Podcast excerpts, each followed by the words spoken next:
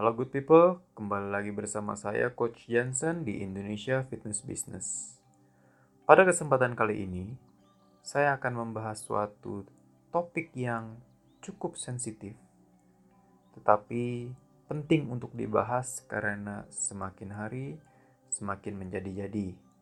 Negatifnya ya, yaitu perang harga. Kebanyakan coach dan pemilik bisnis sering kali kebingungan dalam menentukan harga jual dari jasanya. Dan ini termasuk problem yang dialami oleh hampir seluruh coach dan pemilik bisnis fitness di Indonesia. Belum lagi ada persaingan tidak sehat yang terjadi, perang harga, di mana setiap pelaku bisnis, baik coachnya, baik gymnya, perang harga murah-murahan kalau orang bilang. Supaya semakin banyak masyarakat yang tertarik untuk mendaftar. Benarkah dengan strategi menurunkan harga itu efektif? Jawabannya, saya yakin good people sudah paham ya, bahwa dalam jangka panjang itu justru berbahaya. Nah, sebelum saya terlalu dalam membahas tentang perang harga, pertama saya akan menjelaskan apa itu perang harga. Perang harga itu terjadi hampir di seluruh bisnis, baik barang maupun jasa. Nah, salah satu penyebab dari perang harga adalah tingginya tingkat kompetisi dan juga banyaknya produk-produk yang dapat dibandingkan antara satu sama lain. Jadi, beberapa cara yang mereka lakukan adalah memangkas harga di bawah harga pasaran atau harga rata-rata. Tentunya dengan tujuan dapat memperoleh market share yang lebih besar. Sayangnya, strategi ini apabila dilakukan dalam jangka panjang itu justru akan merugikan seluruh ingat ya seluruh pihak yang ada pada industri tersebut baik konsumennya, produsennya, penyedia atau penjual jasanya atau produknya, semuanya akan mengalami kerugian. Dan ujung-ujungnya akan semakin banyak pengusaha atau coaches yang berhenti atau gulung tikar. Nah, ini tentu akan memberikan efek yang buruk terhadap industrinya itu sendiri. Walaupun banyak yang tahu bahwa perang harga itu tidaklah sehat, kenapa masih banyak penyedia jasa dan pebisnis yang menggunakannya sebagai salah satu strategi? Alasannya adalah ini merupakan faktor yang paling mudah untuk membuat klien ingin membeli produknya. Kenapa? Semakin murah artinya semakin baik untuk keuangan pembelinya klien atau pembeli sering lupa adalah pada akhirnya di saat mereka membeli produk yang murah, otomatis yang menjual atau yang menyediakan jasa itu bagaimanapun juga akan secara tidak langsung atau pada akhirnya akan menurunkan biaya produksinya atau membuat pelayanannya semakin memburuk. Contohnya, Apabila harganya terlalu murah, maka suatu pusat kebugaran akan kesulitan untuk menyisihkan keuntungan dalam pengembangan coach atau SDM di lapangan. Sehingga lambat laun jasa yang diberikan akan semakin memburuk. Jadi, kualitas mengajarnya itu juga akan berdampak negatif. Selain itu, di saat SDM-nya underpaid atau tidak dibayar dengan layak, itu akan menurunkan semangat mereka untuk bekerja. Untuk memahami kenapa hal ini dapat berbahaya kepada seluruh pihak, ada yang disebut dengan equilibrium price atau market price, dan bahasa Indonesia adalah harga pasaran. Harga pasaran adalah harga yang di mana secara tidak langsung disepakati oleh pelaku-pelaku industrinya. Jadi seperti harga personal training, misalnya di kota A adalah 300.000 per sesi, Jadi otomatis hampir seluruh coach juga akan menawarkan harga yang kurang lebih sama. Dan tentunya ini dipengaruhi oleh banyak faktor, contohnya seperti daya beli dari masyarakat, lokasi areanya, demografis, dan banyak sekali faktor yang mempengaruhi harga pasar. Namun kali ini saya hanya akan membahas apa hubungannya price wars dengan harga pasaran. Harga pasaran itu efeknya seperti magnet. Yang dimaksud magnet adalah berapapun harga yang Anda jual ke klien atau calon klien, itu tidak akan atau kesulitan untuk dapat jauh lebih tinggi atau jauh lebih rendah dari harga pasaran. Kenapa price war itu berbahaya? Nah, sebagai contoh, suatu gym eksklusif yang menawarkan jasa personal training bilang saja harga rata-ratanya adalah 300.000 di pasaran dan kemudian mereka menawarkan 500.000 per sesi itu akan kesulitan untuk menawarkan jasanya karena masyarakat akan menganggap harganya overpriced. Walaupun mereka mengatakan kita kelebihannya A, B, C, D, E, F, G, pada akhirnya kemungkinan besar untuk harganya turun ke harga pasaran itu sangatlah besar karena adanya pressure harga rata-rata. Nah, begitu juga dengan gym berikutnya yang menjual jasa personal training. Kalau misalnya harga rata-ratanya 300.000, dia menjual di angka 150 sampai 200.000 jauh lebih murah daripada harga pasaran. Tentunya yang lebih laku adalah yang lebih murah. Karena masyarakat akan menganggap otomatis saya tidak perlu mengeluarkan biaya yang lebih besar. Dan ini akan menjadi bumerang bagi gym yang eksklusif dan juga gym yang menawarkan harga yang murah. Gym yang eksklusif akan struggling untuk mempertahankan harga yang tinggi tersebut karena standar pasarannya belum terlalu tinggi. Walaupun mereka sudah melakukan berbagai macam effort atau upaya untuk mempromosikan, kembali saja itu dapat mempengaruhi salesnya.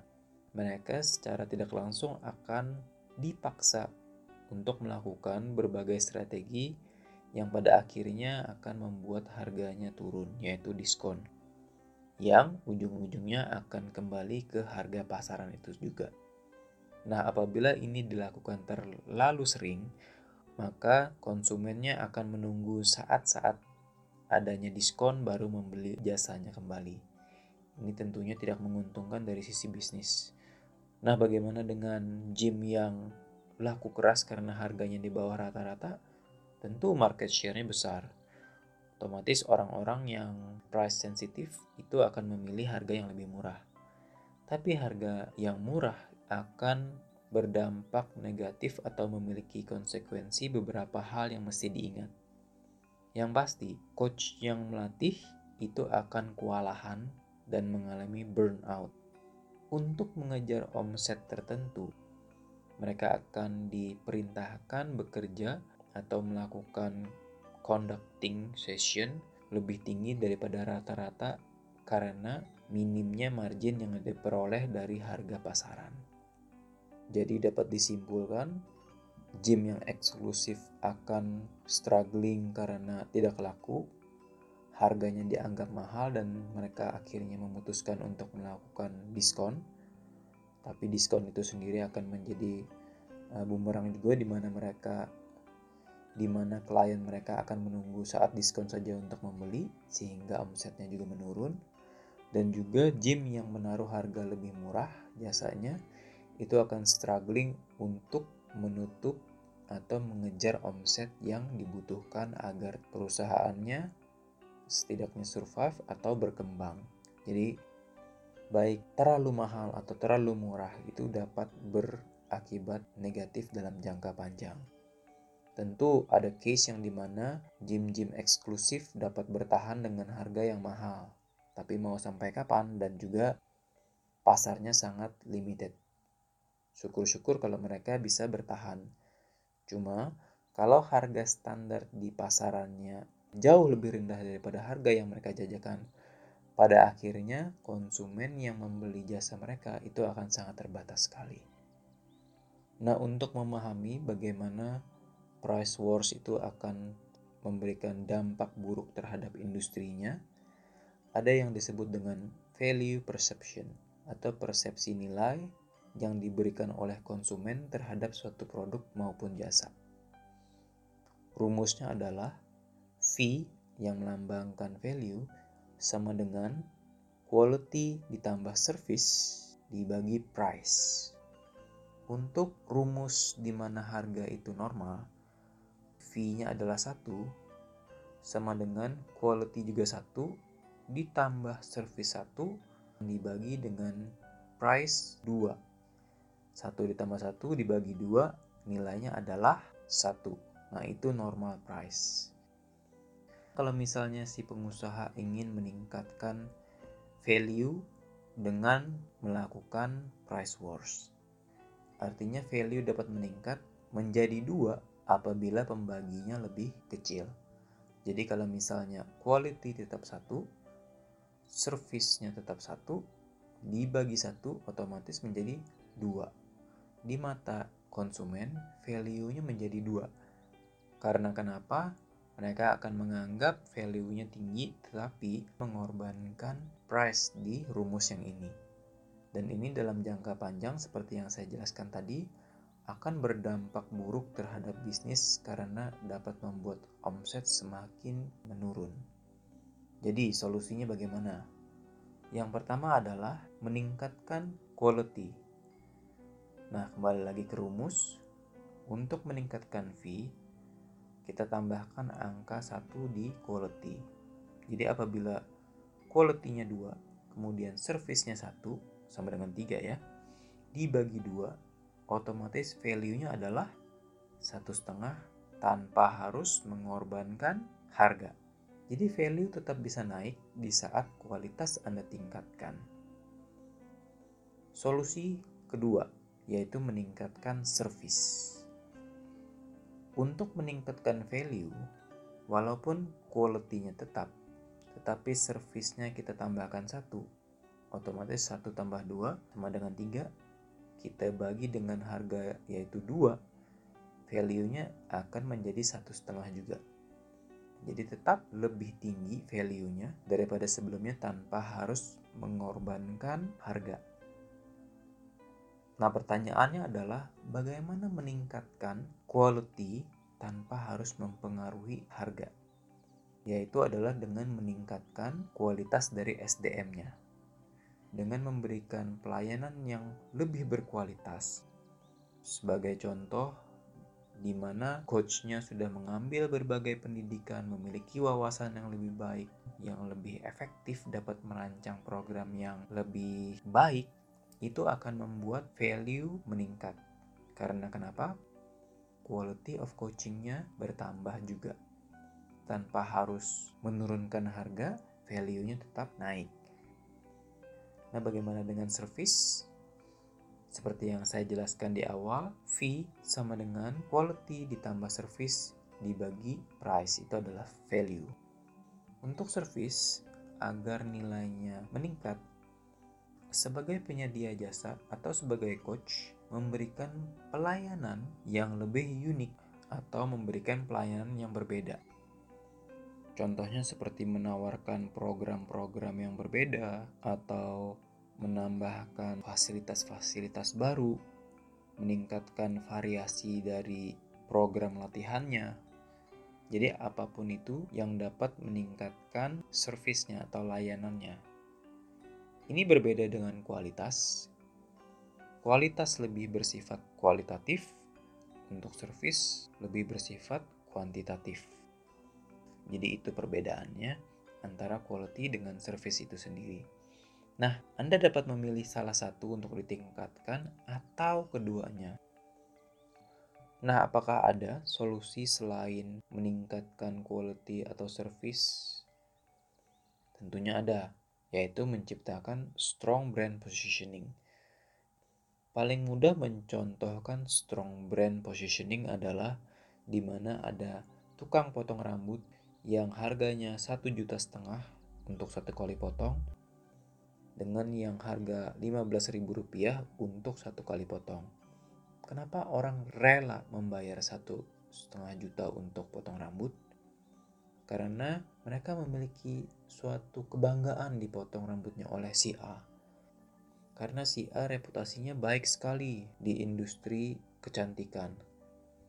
Jadi itu yang membuat strong brand positioning sehingga walaupun harganya lebih mahal daripada pasaran, orang tetap memilih produk tersebut. Nah, yang keempat yaitu melakukan aktivasi yang tidak berhubungan dengan jasa yang Anda tawarkan. Contohnya, Anda dapat melakukan community gathering, Anda dapat melakukan tamasya bersama member. Itu adalah aktivasi-aktivasi yang di mana secara tidak langsung akan membuat atau meningkatkan retensi dari klien maupun member dari suatu gym. Nah, setelah Anda memahami value perceptions, sangatlah tidak bijaksana untuk menerapkan perang harga. Karena pada akhirnya seluruh pihak akan mengalami dampak negatifnya. Nah, banyak yang bertanya kepada saya, bagaimana sih menentukan harga yang akan saya berikan ke konsumen saya. Karena seperti yang kita ketahui, bahkan di Jakarta, Surabaya, dengan Malang, dengan daerah-daerah atau kota-kota yang lebih kecil itu memiliki price gap atau perbedaan harga jasa yang cukup signifikan.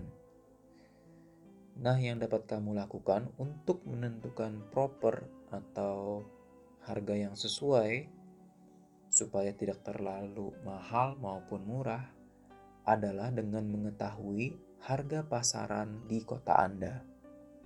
Tentunya ini akan dipengaruhi oleh banyak faktor seperti UMR, kemudian demografis, di mana letak usaha Anda, kemudian apakah di tempat Anda memberikan coaching itu memang di daerah yang biasa atau yang elit, itu akan mempengaruhi harga. Tapi di mana pun Anda berada, ketahui rata-rata harga yang sudah ada di pasaran di tempat Anda akan melakukan usaha. Setelah melihat dan membandingkan beberapa harga yang sudah ada sebelumnya, kemudian Anda dapat menemukan harga pasaran atau harga rata-rata.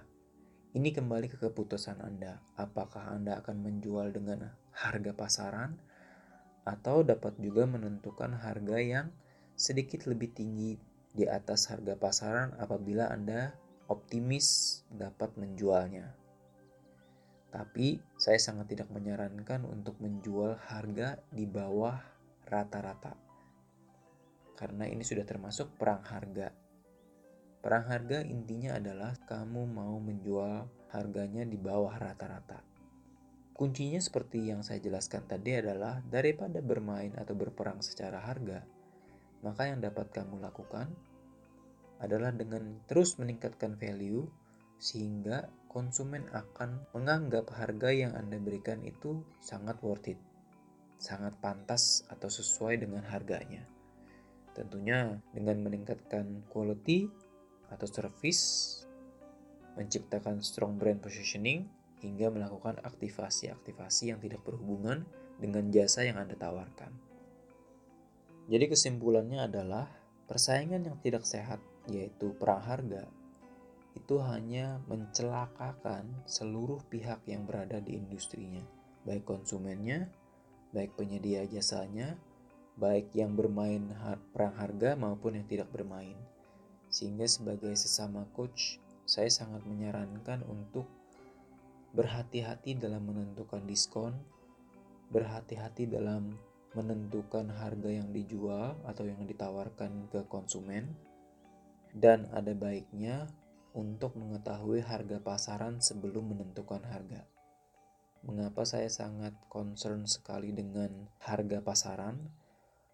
Karena satu-satunya cara untuk industrinya dapat dihargai lebih baik oleh masyarakat adalah yaitu dengan meningkatkan standar harga yang ada di pasaran. Maka, setiap pelaku bisnisnya harus mampu meningkatkan value tanpa mengorbankan harganya. Healthy competition adalah di mana persaingan melalui kualitas maupun jasa yang mereka berikan, bukan berdasarkan murah-murahan harga yang ditawarkan. Karena seperti yang saya jelaskan tadi, semakin murah, maka dalam jangka panjang pengusahanya akan kesulitan untuk mengejar omset. Kemudian ujung-ujungnya yang menjadi korban adalah para coach.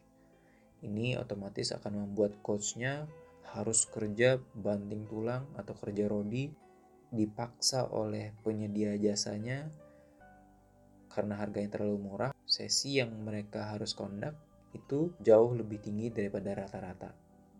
Padahal seperti yang kita ketahui, Semakin banyak sesi yang dikondak dalam satu hari, maka akan semakin buruk kualitas pelayanan yang akan diberikan. Ini yang disebut dengan law of diminishing return. Semakin banyak bukan semakin baik, tapi akan semakin menurun. Dan ini berlaku untuk jasa personal training. Nah, selain perang harga, terdapat juga unhealthy competition yaitu black campaign. Black campaign itu adalah di mana pengusaha A menjelek-jelekan pengusaha B dengan cara apa pun itu, dengan mengatakan menghijack coachnya, kliennya. Padahal perlu dipahami, saat klien memutuskan ingin ikut dengan coach A, coach B atau masuk ke gym A, gym B, itu seharusnya murni keputusan dari mereka sendiri ya tentunya ada beberapa klien yang lebih memilih harga yang lebih murah. Tetapi Anda jangan khawatir, selama value yang diberikan tinggi, pada akhirnya klien-klien yang pindah itu akan kembali lagi ke tempat Anda. Maka dari itu, yang namanya black campaign tidaklah baik dan ujung-ujungnya akan menjadi bumerang bagi yang melakukannya. Nah, topik ini akan dibahas di episode yang terpisah karena sangat menarik dan banyak hal yang dapat kita diskusikan sehingga tidak terjadi unhealthy competition. Jadi penutupnya adalah perang harga itu akan merugikan seluruh pihak dan sebisa mungkin harus dihindari karena pada akhirnya akan merugikan seluruh pelaku industrinya. Dengan terus meningkatkan value yang Anda berikan kepada klien, maka harga itu sendiri tidak akan menjadi masalah utama. Jadi, siapkah Anda meningkatkan value dari jasa yang Anda tawarkan?